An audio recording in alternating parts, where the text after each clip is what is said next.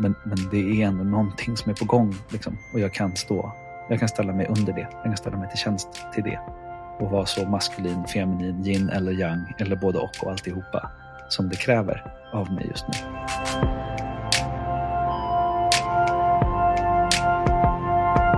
Systrasåren, det försvinner. Det finns inte bland kvinnor som är starka i sitt feminina och, och maskulina, men just har uppvärderat det feminina.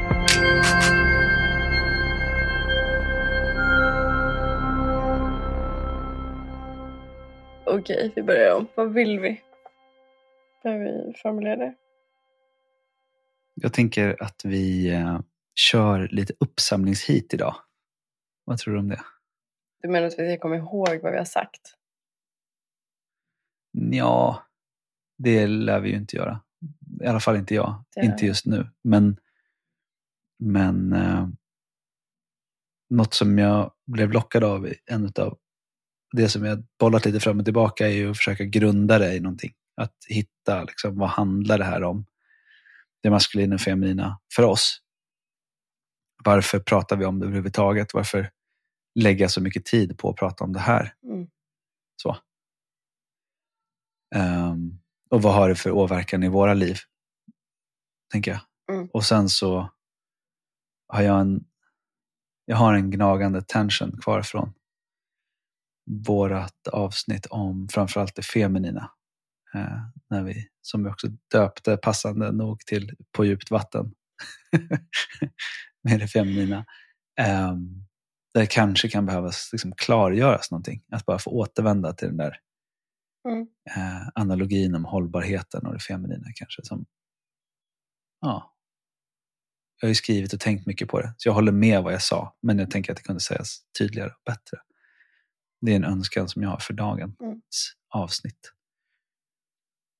Mm. Är det något annat du vill sätta in i någon form av intention här innan vi drar igång? Nej. Nej, det var väl det vi sa tidigare då. Jag känner så här. Jag har en del av mig som bara, mm, jag vill gå och hämta den där boken. Regenerative leadership. Men så, ah, ska jag verkligen det?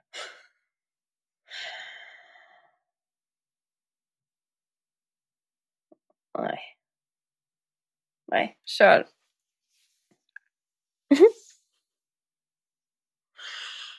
Ja. Mm. Var är vi på den här resan?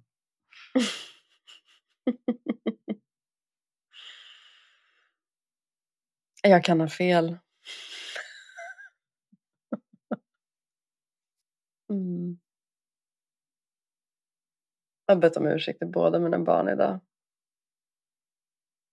Mm. I morse gick jag över min dotters gränser. Eh, både jag och min son gjorde det. Ja. Andra skulle tycka att ja, men det där var väl inget. Vi försökte göra henne på bra humör. På väg till skolan.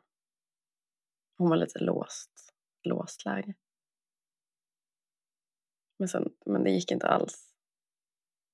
Jag var så tacksam att hon visade det. Det var liksom att det inte gick. För jag tror jag har ett sånt beteende att jag vill.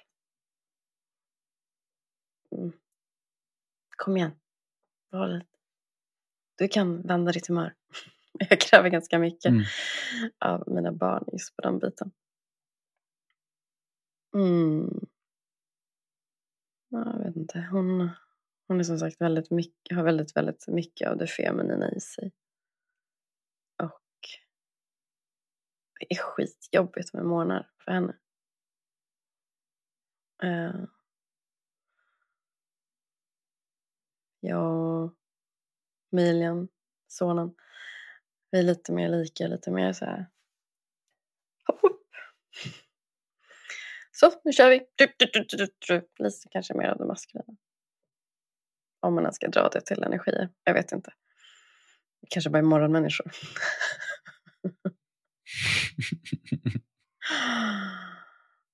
uh, ja, men jag kom på mig själv och verkligen ställde mig på knä framför henne och sa förlåt.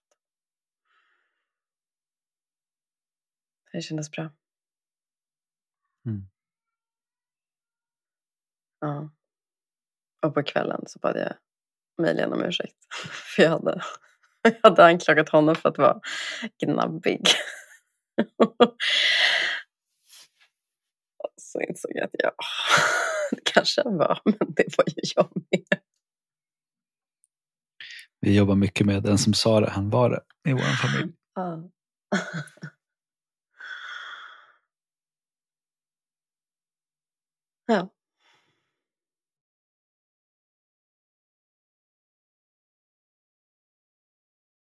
Mellan det maskulina yang, som är liksom den erekta penisen, maskulina yin, som är det testikulära, den här hållande, strukturhållande, liksom, palissaden eller fortet eller trädet som producerar genom att stå still.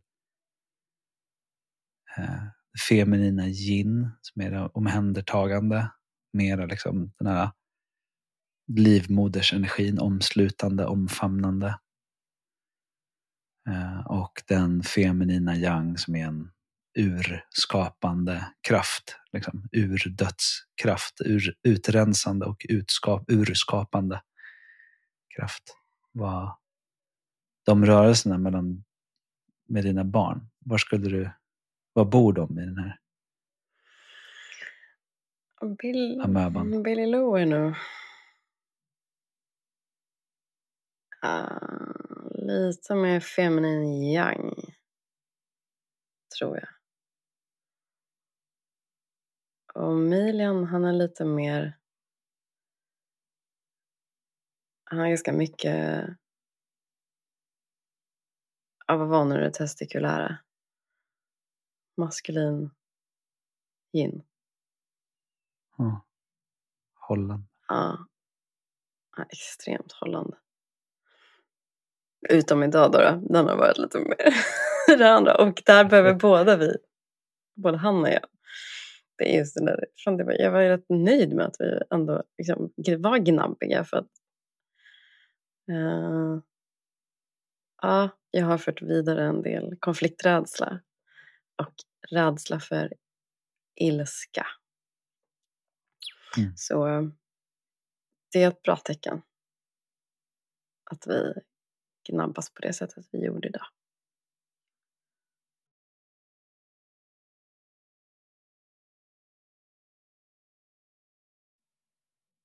Du svarade inte på frågan varför vi pratar om det här. Skulle jag det? Fick jag en sån fråga? Ja, om du vill. Jag sa, vad har du att säga till ditt försvar? Varför håller vi på så här? Jaha, Varför pratar vi om det här? vad sa jag då? Allt det här. Ja, Um...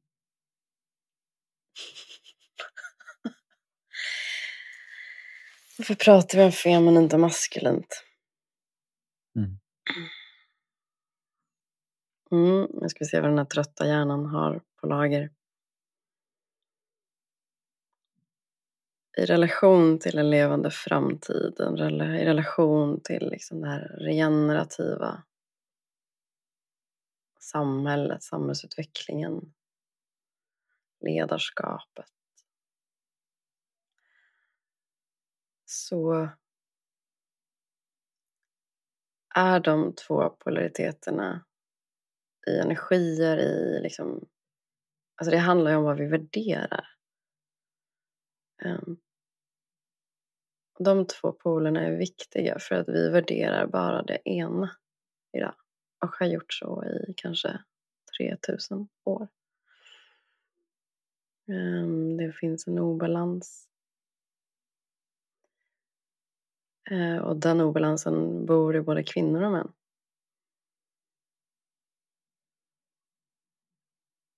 Och den är... Ja. Um, vi behöver inte... Äh, Jag jag resonerade med en annan kring det här med balans häromdagen. Att, ja, vi behöver ju balans i att vi värderar båda lika. Men det är inte balans i, som i att de ska existera lika mycket hela tiden. Utan i en regenerativ värld så värderar vi ju båda och använder liksom, eh, liksom dansa med varandra i liksom skapande evolutionär kraft.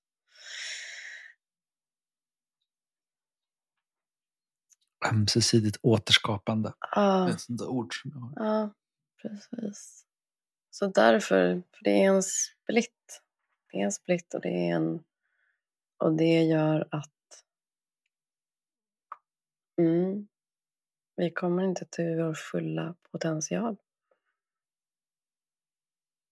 Tror jag. Eller kommer inte, liksom, vi kan inte växa in i den. Som mänsklighet. Individer. Mm, det var vad som kom just nu. Vad, vad har du till ditt försvar säga?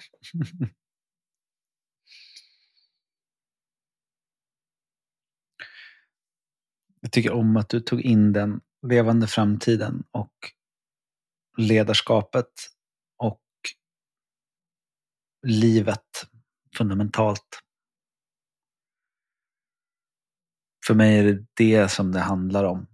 Jag sa ju det vid något tidigt tillfälle där att vi inte pratar om kvinnor och män egentligen. Och jag menar det på allra största allvar. Även om jag vet att det är otroligt liksom, ihopsyltat och intrasslat också. Och att det är massa utav de här distinktionerna som vi gör som faller emellan, liksom kommer falla ganska ofta mellan kvinnor och män. Eh, så är det ändå inte det det handlar om för mig, utan det handlar om de här energierna. Eh, och sen jag började skifta fokus till det, så, för min ingångsvinkel var att det är ganska mycket trams och ganska mycket drama och vad spelar det för roll egentligen? Eh, och det är många som blir kanske triggade, kanske arga, kanske ledsna, kanske liksom känner sig fast eller får ta ansvar på ett konstigt sätt. Eller, så här, det finns massa jobbig historia att ta i, i det här. Otroligt mycket våldsam historia som vi också har berört. Um, men för mig så handlar det fortfarande om att det finns något fundamentalt här som är otroligt spännande. Liksom just att allting i naturen också på ett eller annat sätt är kön, könat, liksom gendered. Um, och att det är grunden för vår reproduktion. Att det är grunden för att vi ska finnas. Att vi har två stycken olika, olika poler. Sen det som jag tänker att vi har pratat lite mindre om, när vi liksom befunnit oss i de här extremlägena och stått, stått på något sätt någonstans i en karta och så stirrat på olika punkter. Så här, huvudstäderna, de fyra huvudstäderna i landet, maskulint och feminint. Eh, men jag tänker att det, det som är mest intressant för mig är att se skiftena. Jag tittar bara på polerna för att förstå någonting om var min betoning ligger. Så. Och jag kan ju märka att när du och jag pratar så dras jag åt en annan pol. Vårt fält gör att jag tar en annan roll. Liksom jag blir generellt sett mer maskulin yin. Eh, och sen så med inslag av maskulin yang, där jag liksom kliver på och kliver fram. Och när jag interagerar med män till exempel, eller håller mansgrupper, så, så märker jag ju att det perspektivet som jag tar med mig in i de kontexterna är ju ett otroligt liksom, feminint yin och yangigt perspektiv. Framförallt kanske feminint yin. Eh, men mycket mer flöde. Så. Mycket mindre rigitt och där jag kan luta mig på annat sätt in i strukturen och de andra, det blir andra energier som blir. Så det skiftar för mig vad jag har tillgängligt. Eh, vad jag hamnar i relation till de övriga. Och det är så fantastiskt att få känna det. Och att veta, ha någon form av känsla för vad som saknas. Så, vad som inte blir sagt, vad som inte finns i rummet.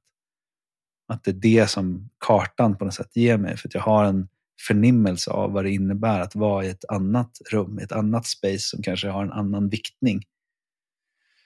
Um, och då kan man både kompensera själv medvetet men också bara hålla öppet för den energin eller det medvetandet som inte finns där. Uh, till viss mån, inte till fullt.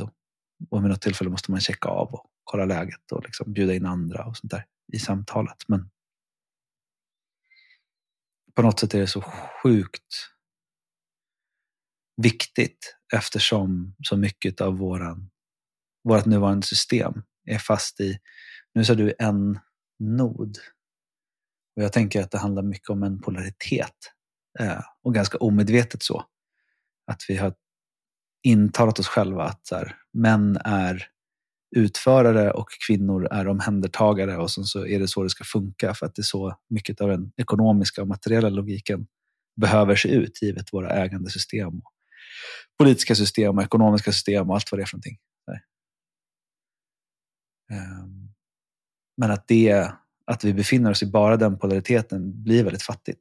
Det, det, det ger inte någon cirkularitet. Det ger inte någon riktigt snurr. Det, ger ingen, liksom, det genererar ingenting. Jag tänker på den här fysiska generatorn som snurrar.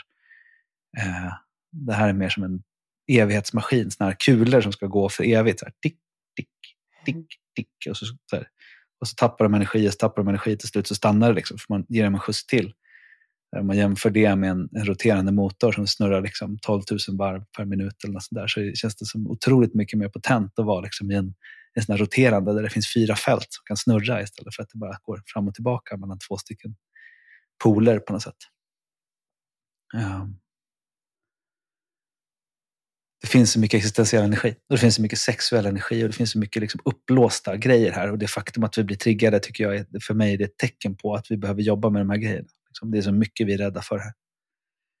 Eh, och jag, när jag säger vi så menar jag jag.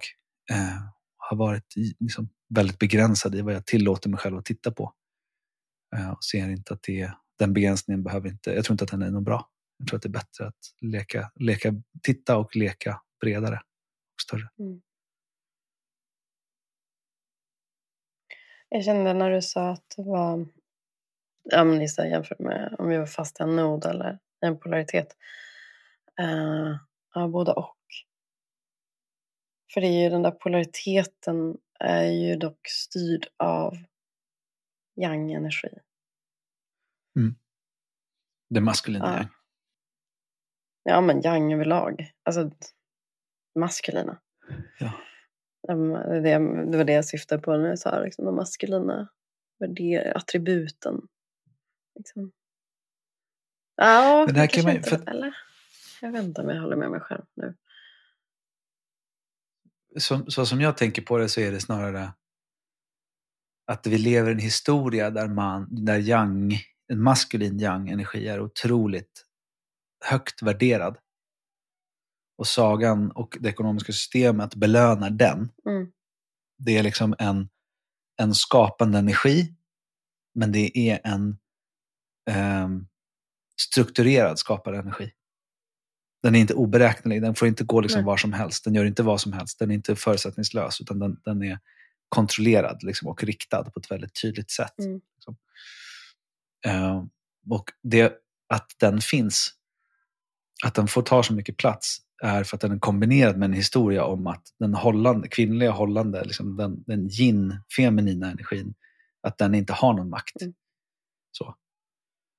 Um, och att det, nej men där finns inget att oroa sig för, det behöver man inte ens titta på. Och det var ju det, var det som jag då pratade om, att det finns ju en, en, ett energibehov där, liksom en, en, ett, en material, ett materiellt liksom krav från den feminina yin Eh, som är, alltså, många män, om du frågar män, så säger de att jag gör ju det här för att jag, måste, jag, jag, vill, jag vill ha en kvinna. Jag, vill ha, jag måste ha ekonomisk status för annars så får inte jag liksom, reproducera mig. Jag, jag får inte fortsätta existera. Liksom, jag upphör att existera. Jag blir någon tragisk och vi har ju till och med ord för det. Vi har ju incels liksom, som man sitter och snack, fnissar åt. Liksom, de här männen som aldrig får ligga och som, som sitter på internet och bara hatar liksom, framförallt kvinnor. Uh, och de, de är så, de är så, de, de är de här deplorables, tänker jag, som, som eh, och vi är de här kolarbetarna i midväster i USA, liksom, som bara håller på eh, och förstör. Eh, så att historien håller på att slå om liksom, åt andra hållet, tänker jag. Att nu ska vi bara vara gulliga och hålla och ta hand om och alla ska med. Och det är inga problem och allt, allt ska få finnas. Och vi ska liksom, jag raljerar lite nu, men just i den där mellan de två noderna, det är där vi rör oss någonstans, liksom i extrempunkterna.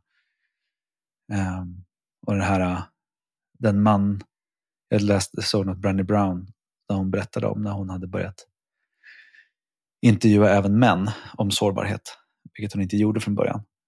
Uh, så det var på grund av att det var en, en man som köpte böckerna till sin, sina två döttrar och sin fru. Och eh, han sa att de som håller mig hårdast fast i att jag inte får vara sårbar, det är de. Det, det är de som inte tillåter att jag kliver ner från den vita hästen, att jag inte blir hjälten. Liksom. Och så står du här och säger att jag ska vara sårbar, men du intervjuar inte sådana som mig, män alltså.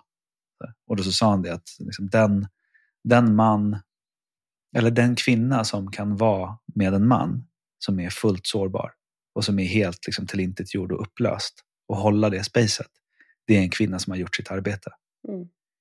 Och den man som kan vara med en kvinna som har bara fått nog, liksom, som inte orkar en enda jävla grej till, där det bara är, är slut. Liksom. Vill inte, ingenting funkar och hon bär, bär hela bördan för, för, allt, för allt som är livet i hemmet. Och inte säger, ja men jag tog ju faktiskt ur diskmaskinen. utan, utan bara kan hålla den. Eh, det är en man som har gjort sitt arbete. Det tycker jag var väldigt fint. Det är väldigt fint tydligt talande för Mm. det feminina yang på sätt och vis och den maskulina yin å andra sidan. Då, som, liksom, att den så sällan får komma till tal så finns den finns inte så naturligt tillgänglig för oss i den historia som vi lever i just nu. Nej. Men den bor ju i våra kroppar. Liksom. Allas våra kroppar, Mm. oavsett kön. Mm, de där. Så det resonerade väldigt starkt. Brené Browns beskrivning. Och jag känner ju, apropå incels, så ja, från början fnissade jag åt dem. Dem. uh, och sen så, och nu känner jag bara så otroligt mycket medkänsla. Med ja, men både kvinnor och män. För det är ju det här att, alltså, vad är det för berättelser om det man och kvinna liksom? Vi, de är så jävla enkelspåriga. Mm. Och, det, och de orsakar så mycket smärta. Jag menar, det är ju... Menar, även om vi bara målar upp eh, fem, två versioner av yin och två versioner av yang så är det ju ändå... Alltså, tänk om man bara kunde få... Eller plus det mörka ljusa, ja, lite olika dimensioner. Men Mm. så är det ju... Att få möjligheten att vara mer. Vara... Ja, jag hittar inte orden, men... Mm. Jag tänker att det är så mycket som är förbjudet. Ja. Förbjudet och... Liksom, det är förbjudet och vad säger man, styrt genom vad som är Mm. värdefullt. Eller liksom, okej, det här går kvinnor igång på. Eller... Mm. Jag hörde någon... Jag, det var sommarprat i somras om incels. Mm. Jag kommer inte ihåg vem det var och vad det heter. Man får gå tillbaka. Sommar i P1. Och det var jättebra. Det var verkligen. Och det var, jag tror att det var någon berättelse om en kille som han trodde liksom inte att han fick några tjejer på grund av att han hade en, jag vet inte om det var någon sån här liten knöl på näsan eller det var så många berättelser som handlade liksom om utseendet. Och så vet man någonstans att åh, det har ju... Nej, ingen betydelse. Ja, Men han har byggt upp hela sitt liv kring den där lilla knölen på näsan. Eller vad det nu var. Um, och mådde så otroligt dåligt. Det är så många människoliv som... Ja, som går till spillo. Men en annan som är levande mig, ehm, eller det jag ser av min erfarenhet är ju att kvinnor som gör det här, jag skulle väl kanske kalla det ett arbete, eller som upptäcker och upplever att få vara med det feminina i sin kropp och, få, återfå kontakten med det sexuella som det ofta innebär.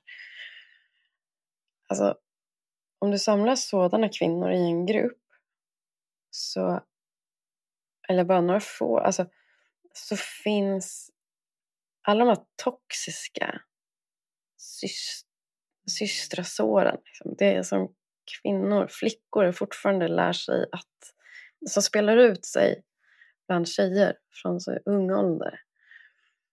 Mm. Det försvinner. Det finns inte. Bland kvinnor som är starka i sitt feminina och, och maskulina men just har uppvärderat det feminina. I sådana grupper så eller bland sådana individer så stärker man varandra. Man vill varandras framgång. Eh, man är inte hotad av den andras eh, existens. För vi slåss inte, eller ja, det... Nej. Det, allt det toxiska försvinner. Mm.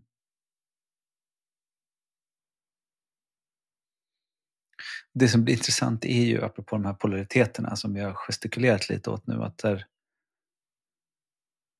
om man nu hör det där på det sätt som jag önskar att man kunde höra det, att det inte handlar om att så här, nu är jag maskulin yang och då kan inte du vara i den noden. Alltså, utan det är mer att vi har en, det blir som en, vi kan befinna oss var som helst i den här kvadranten. Oavsett var vi befinner oss kommer vi komplettera varandra. Liksom. Så att när jag blir mera det som jag känner mig dragen åt just nu så kommer det öppnas andra möjligheter för dig att röra dig. Liksom, som är i princip oändliga. Som är obegränsade för dig. Så det, är ju, det blir ju liksom Poängen blir att det blir frihet för alla, inte att man är fångad i en ny karta. Liksom, att det är, jag såg det som att det var som ett, ett uh, hönsnät med typ slime på. liksom, man, man måste verkligen sjunka igenom det och känna när man sjunker igenom de här liksom, ståltrådarna. Så. Och delas, tillåta sig själv att delas upp av det. Men det är så otroligt tillfälligt. Och precis på andra sidan hönsnätet så liksom smälter man ihop igen. Eh, och har blivit smittad av det och har förstått någonting av det och har hittat för mig har jag hittat strategier för att kunna hitta tillbaka till balans. Så, inte och då menar inte jag balans som i någon form av liksom equanimity, att jag alltid är neutral, att jag alltid är i kontroll eller alltid är lugn eller alltid är liksom, utan bara att så här, det som händer med mig kan jag hitta balans i. Så att när ilskan kommer så kan jag liksom tillåta att den kommer och låta den kanaliseras och låta den då, alltså om man pratar liksom chakran och tantraspråk så, så kanaliseras den genom hjärtat. Liksom, genom det och sen så får den komma ut. Så att den inte sådär som vi pratade om bara bubblar över och rinner och läcker överallt utan liksom kan få följa en flodfåra och att jag kan ta energin och, och, och rikta den mot någonting och säga stopp eller nej. Liksom. Eller vänta lite nu, vad menar du? Liksom. Eller bara lägg av. Liksom. Hit men inte längre. Stopp min kropp. Mina barns förskolesång. Liksom. Men, men att säga det med... Det blir ett helt annat sätt att relatera till makt. Och då om man pratar om så här, Joanna Macy, som är en fantastisk eh, person som har jobbat med system och systemförändring och eh, design mycket. Hon pratar om skiftet från power with, eh, power over till power, power with. Att man rör sig från ett dominansparadigm. För i ett dominansparadigm så är man antingen den som dominerar, det mår man som regel inte bra av. Eller den som blir dominerad, och det mår man heller som inte regel särskilt bra utav. Medan i Power With så är man, det är mer av det här coachande ledarskapet, det är mer av det regenerativa ledarskapet, det är mer av eh, den delen där jag tar ansvar för att jag kanske har instigerat något eller har en viss position eller en viss erfarenhet eller en viss kunskap och kan komma in med den till fullo utan att säga du får inte vara här eller jag, jag, jag trycker inte undan dig. Det, och då, jag tänker att det är relaterat till det du sa om det toxiska. Att det toxiska behövs inte, för vi, vi slåss inte mot varandra. Mm. Det är liksom darwinistisk evolution på det sättet som Darwin beskrev den, där det är 98 procent sam samarbete eh, och sen en väldigt, väldigt liten andel som är konkurrens. Så, inte den liksom, socialdarwinismen på det sätt som den har blivit uttolkad och återberättad i termer av survival of the fittest. Så. Det är väl lite där, apropå makt. Eh, eh jag tänker att vi i vårt samhälle låter yang dominera yin. Apropå den här, om man ser makten som en så här gungbräda lite. Håller du med om det? Nej, alltså jag kan hålla med om det på en samhällelig nivå. Mm. Men en, på en personlig nivå så ser jag otroligt många män som är otroligt kuvade och väldigt rädda. Mm. Liksom. Och otroligt begränsade av sina just kvinnor. Alltså i heterosexuella, mm. heteronormativa. Att, att kvinnan äger verkligen hemmet på sätt och vis. Så att det finns liksom en, en, den här berättelsen om att kvinnan har någonting som mannen vill ha. Om man pratar kvinnor och män. Det styr väldigt mycket dynamiken och mm. att man liksom tillåter sig att gå ut att dominera andra saker ute som kompensation för det man inte kan göra hemma. Och den här historien om liksom, den kuvade mannen och alla de så här, locker room stories av män som säger att de inte... Ja, det är chefen hemma och allt, alla de där grejerna. Liksom. Um, så jag tror att det finns, på olika systemnivåer så finns det olika dominans. Olika dominans. Men det är alltid det är dominans, det är dominans. som är modellen. Mm. Den är aldrig bra, om man så säger. Eller är den det? Ah. Jag vågar inte vara så kategorisk, jag vet inte. Men jag tror att det, det är den nästan Den gör mycket skada just nu i alla fall. Så kan man säga. Ja. Den ena finns på bekostnad av den andra. Ja. Det är inte regenerativt. Nej, och det gäller ju även inom gruppen. Mm.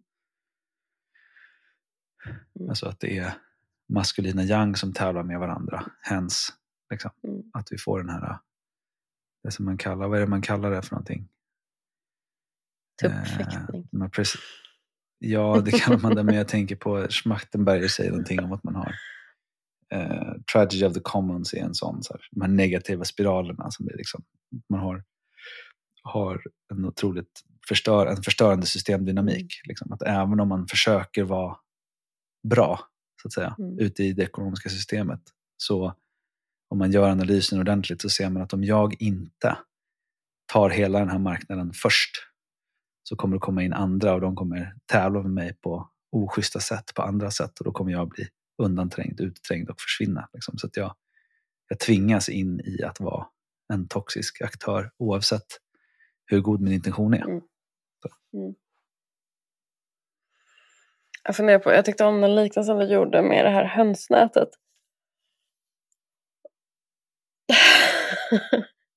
Jag tillbaka lite. Mm. Uh, men om vi Anna ville ta det här avsnittet och koppla, och koppla det till livet så att säga. Um, så min resa, ja men jag var ju sla, slav, kan jag säga det? Jag vet inte. jag var blind inför att mm. jag levde eh, och värderade bara det maskulina så väldigt länge. Tror jag var 35 när jag började den feminina resan. Det var alltså fem år sedan. Um, och då gick jag in, alltså när jag liksom upptäckte allt det här och, och allt som flödade i mig. Alltså det var ju så transformativt. Um, och som sagt starten på väldigt, väldigt, väldigt stora förändringar. Um, och jag kommer ihåg, jag var på tantrafestivalen. För det var ju så härligt, det var ju så, åh, att bara få, få det var som att hämta hem makten som jag hade gett bort hela livet. Så, Så det var ju så kul och härligt att utforska och liksom dela det med andra kvinnor på samma resa. Mm, det var, ja, det var, jag gjorde inte alls något mycket arbete i relation till män utan det var, det var en kvinno, kvinnogrej, systragrej. Och så var jag på tantrafestivalen och så en av dagarna så var vi just fokus på att man skulle, vi var uppdelade kvinnor och män och kvinnor var för kvinnor och vi gjorde bara eh, kvinnogrejer och män gjorde bara mansgrejer. Och, eller fokus på feminint, maskulint var det nog, men kopplat till kön. Um, men sen så var det sista workshopmomentet. man, man fick alltid välja några olika workshops men det sista momentet var just fokus på det motsatta maskulina. Och jag var i en... Det var sjukt utmanande då. Vi skulle liksom gå in i vårt inre maskulina. Jag bara, vad, vadå? Nej, vänta nu. Nej. Och sen i slutet av workshopen så stod det liksom, skulle låtsas ha en, en lingam kallas ju då snoppen i, i någon tantra. Står för ljusstav och vi skulle liksom vi gjorde massa övningar. Vi, det var som att vi penetrerade Moder Jord och skulle känna hur det kändes energetiskt. jag kommer ihåg. Eh, det var en fascinerande resa där, workshopen, utifrån var jag befann mig på den här resan. och väldigt nyttig. Och sen numera, eller, eller då fattade jag att ah, okay, jag kan inte bara lämna den maskulina energin. Liksom. Jag har ju båda, de fyller all, liksom, allting fyller en funktion. Och så snabbspolar jag framåt till idag när jag känner att det är väl lite mer på andra sidan, har smält ihop lite mer i alla fall. Där det blir väldigt tydligt till mig när jag, om jag går in, om jag är väldigt mycket, jag, jag har tillåtit mig att vara väldigt mycket i mitt feminina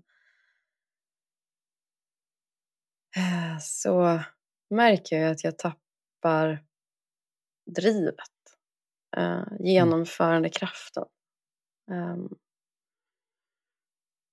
och jag har ju ändå jobbat som entreprenör i väldigt många år så den är ju ändå en mm. ganska stark del i mig. Men, och då kan jag, när jag får syn på det, jag, jag kan ju numera få syn på, och nu är jag lite utsmetad och har inte riktigt några konturer sådär. Eller håller inte ihop mig själv.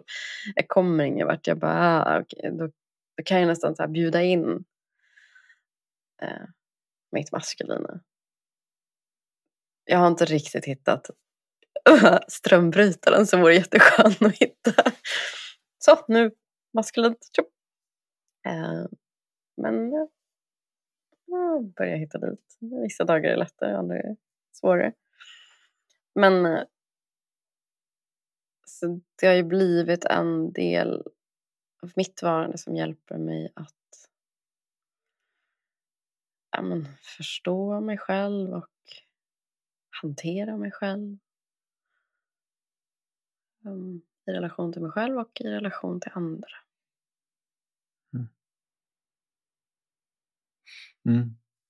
Jag speglar lite samma, samma resa som jag jag upptäcker det otroligt mycket, jag använder det jättemycket i det arbetet väldigt, i mina närmaste relationer.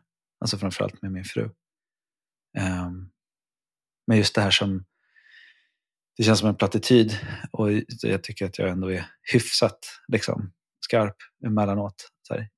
Alltså, och ändå så har jag så svårt med vissa koncept och då det här med att nu vill att jag blir ofta förvirrad med vad det är vi håller på med. Så eh, i till exempel en argumentation eller en diskussion eller en, någonting som, som relateras, liksom, något som berättas. Så att jag ofta på instinkt går mer åt det maskulina hållet. Att säga, ja men okej, du, du har en, det här är en struktur, den här historien kommer börja någonstans, den kommer sluta någonstans, den kommer sluta i en fråga kanske, eller i en poäng. Eller, alltså så, här, så, så vill vi komma ut och jag ska, min roll blir att jag ska lösa problemet då som, som eh, Eftersom det, det är så som jag är programmerad, så som jag har lärt mig, det mönstret som jag bor i. Men att just börja kunna hitta in i, i den här känslan av att så, okay, det här, här är något annat som pratar. Här är inte, det här är inte min hemmaplan. Liksom. Det här är inte den energin som jag befinner mig i just nu efter en strukturerad, fokuserad arbetsdag. Utan det kanske är liksom ett annat, något annat som behövs. Det är inte något som vi ska städa av på agendan utan det här är ett sätt att bara relatera till varandra och att kolla in att var vi är och hur vi sitter ihop och att vi tycker om varandra och att relationen är viktig. Och liksom så. Att det är mer de här feminina yin-kvaliteterna som, som dyker upp. Och om jag då inte bemöter det eller försöker lösa det med någon maskulin yang utan så här, stannar kvar i ett hållande och bara öppnar upp liksom, för andra sätt att vara. Så oftast så rör hon sig vidare. Liksom. Eh, hon, hon förflyttar sig och hittar något annat, liksom, går vidare och vi hittar en, en relation och en intimitet som inte vi haft tillgång till innan. Eh, just för att jag inte behöver liksom, lösa eller ta bort eller fixa. Eller liksom så, utan jag bara kan vara med och vara med henne och vara med den energin och liksom stanna. Och det gäller både i liksom rejäla bråk och det kan även, men även bara i liksom det dagliga relaterandet efter en arbetsdag eller när, man, när ungarna väl har somnat. Liksom. Eh, och att det finns en, en möjlighet för mig att börja ana mig till om jag ska ta en annan stans, liksom, ett annat förhållningssätt till personer runt omkring mig. Och det behöver inte bara gälla under, utan det kan ju gälla liksom, möten eller i olika typer av, liksom, att jag, det kan, man kan hamna i en dynamik där man tävlar om någonting. Så här, man går in och alla ska, jag ska också visa mig på styva, styva linan och kolla vad mycket jag har gjort. Och så här, att man fastnar i den tävlingen liksom, istället för bara, ja men okej. Om det kommer in någon och behöver berätta väldigt mycket om vad man har gjort och hur mycket CV man har och liksom hur stor hur stort könsorgan man har då. Om man ska tolka det lite, liksom, så, så här, bara tillåt det. Och så skift, sen skiftar någonting som regel. Sen händer någonting i rummet och så öppnas något annat och så finns det en möjlighet till liksom, genuint samtal eller att upptäcka någonting tillsammans. Och det blir så mycket mer intimt. Liksom. Man kan hålla platsen för någon annan och vara med det som behöver komma ut och ur och genom den och bara lära sig från det. Liksom. Um, och det är inte så teoretiskt utan det är bara, för mig har det blivit en del av att jag känner till var de, hur de känns och hur de smakar och hur de luktar liksom, och vad jag får för sensationer. Så här, var någonstans jag känner mig varm och var jag känner mig kall och var jag känner, mig, alltså var jag känner flödet och vad jag känner liksom, i, i kroppen. Då, då har jag en möjlighet att ta reda på vad jag är och sen om jag vill vara där eller om jag vill göra något annat. Liksom, det finns någon form av och det är så tätt kopplat till de här historierna, märker jag. Att när jag som man är på det här sättet, då är jag bra man. Så. Och att börja luckra upp det där och se att det är ju inte så. Apropå Darwin, så liksom fittedness, alltså att vara fit för någonting har ju relation till, till vad? Liksom. Vad är det man är bra för? Eh, Det var någon som sa det. Jag kommer inte ihåg vad kontexten var egentligen, men jag använde det som ett så här. Åh, hade du ett bra möte? Så här, ja, det var ett bra möte. Jaha, bra för vad? att börja hitta den vägen även för mig själv. Liksom. Så bra för vad? Mm. Vad var du var bra för just nu? Vad är det som behövs just nu? Hur kan du vara i tjänst just nu? Apropå den här medkänslan som du pratade om tidigare. Mm. Ja. Och jag märker ju att det genomsyrar det som i litteraturen kallas för regenerativt ledarskap eller det nya ledarskapet eller det coachande ledarskapet eller det lyssnande ledarskapet eller eh, så, som tillåter en helt annan, mycket större kreativitet mm. och att utfallen inte längre blir begränsade av vad jag har i huvudet eller kan föreställa mig eller vet. Utan det finns ett utrymme för ett samskapande utan att jag gör avkall på min expertis eller mitt djup på kunskap eller någonting. Utan så här, det får ta plats också. Lite senare kanske. Liksom. Eller på ett annat sätt än vad det var. Hade varit om jag hade liksom hållit föreläsning i 45 minuter och sen tagit de sista fem minuterna för att kolla vad folk tyckte. Mm. Um, jag tänker att det, så, så, på så sätt har det här varit liksom en helt fantastisk resa för mig. Och det är så på något sätt jag önskar att så här, allt det där som vi har pratat om med kropp och var någonstans i kroppen och sånt där. Och jag vet också att det som, de ställen som det har funnits i kroppen för mig, det är inte alls så för alla. Långt ifrån så. Väldigt, väldigt långt ifrån. Den bor på så fruktansvärt olika ställen i olika människors kroppar. Så man måste liksom hitta de där kvaliteterna själv och hitta den vägen själv om man är intresserad.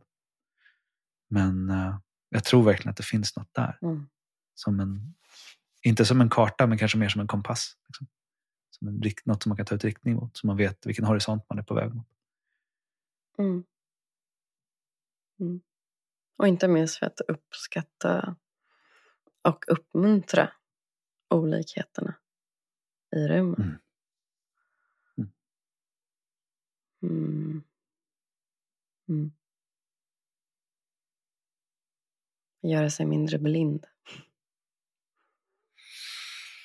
Ja, verkligen. Utan att för den sakens skull. Alltså, jag tror också man behöver vara ödmjuk för att man är alltid blind för något. Ja. Det är det som är grunden i polariteten. Att när vi rör oss åt ett håll så är det, något, det är alltid något vi inte ser. Mm. Vi har inte, om vi kan måla, måla en mask med ögon på och sätta den på baksidan av huvudet så Mm. betyder inte det att man ser nej. de facto. Och det är kanske skönt att inte ens behöva låtsas som det istället. Utan bara säga sårbart, öppet att wow, jag såg inte det. Tack för att du visade mig det. Och fråga, och fråga andra. Eller vad är det jag inte ser? Ah, det där är en bild som det kanske det tar oss. Men det är jag funderar på så här, vart, åt vilket håll tittar man? Och åt vilket håll går tiden? Och så fick jag lära mig att i span, på spanska så är framtiden bakom en. Mm. För att man ser den inte. Det tycker jag är fint. Och sen så funderar jag på det också när man möts. Så det, någonting finns ju i att liksom stå rygg mot rygg förenade liksom, och titta utåt. Så. Eh, vilket jag upplever att det ganska ofta gör. Men någonting finns också i liksom att ha ett litet avstånd, att titta på varandra och att titta in mot mitten liksom, och se vad som finns där emellan oss just här, precis just nu. Och sen blir jag alltid, jag blir mer och mer nyfiken på när jag vågar också på ett, på ett sätt med fullt av medkänsla och kärlek, men ändå liksom, lyfta ryggsäcken som den andra bär på. Som är otroligt lätt för mig att se som regel. Eller för dig att se, för den andra att se. Liksom att se vad de andra bär på, vad man har för skuggor och vad man har med sig för projektioner in. Ehm, men att ge den gåvan och att våga ge den gåvan utan att man behöver liksom inte vara påträngande eller försöka lösa något problem, men bara reflektera det man faktiskt ser. Ehm, och att det är alltså underskattad praktiskt, liksom att också lyfta blicken och titta både mellan sig den andra personen i ögonen men också liksom titta precis bakom och se vad man ser som, som man bär med sig. Eh, och vad som också finns där. Men som kanske inte är uttalat, liksom, som är precis bredvid det man pratar om eller bakom en. Eh, det som man inte ser lika tydligt själv. Eh, mm. Mm. Mm. Mm.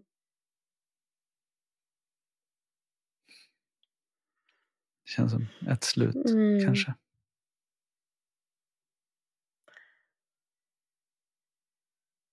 Mm. Jag kommer tillbaka till det jag sagt, eller vi har sagt för en levande framtid. Eller vilken framtid vi än vill ha. Den skapas ju här och nu. Den är ett resultat av alla våra handlingar och icke-handlingar. Apropå att jag såg någon artikel idag om att eh, vi har en, för första gången det verkar som att vi har en politik som leder mot mer utsläpp i Sverige. Mm. Att man skjuter att man skjuter det på framtiden. Jag bara, det var det som kom till mig. Bara, Åh, tänk om vi kunde inse att vi kan inte skjuta någonting på framtiden. Mm. Det blir ett resultat av det vi gör nu.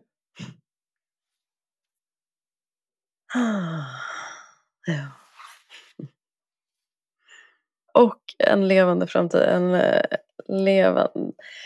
Apropå något jag sa i förra avsnittet, att jag känner mig, när jag inte har, känner det feminina, men när jag inte får lov att uttrycka det, då känner jag mig som ett, ett skal. En byggnadsställning, tror jag att jag skrev, eller sa. Um, mm. För mig blir det ju liksom, det tillåta båda de här polerna och allt däremellan. Mm. Det är där liv skapas. Bokstavligt mm. talat.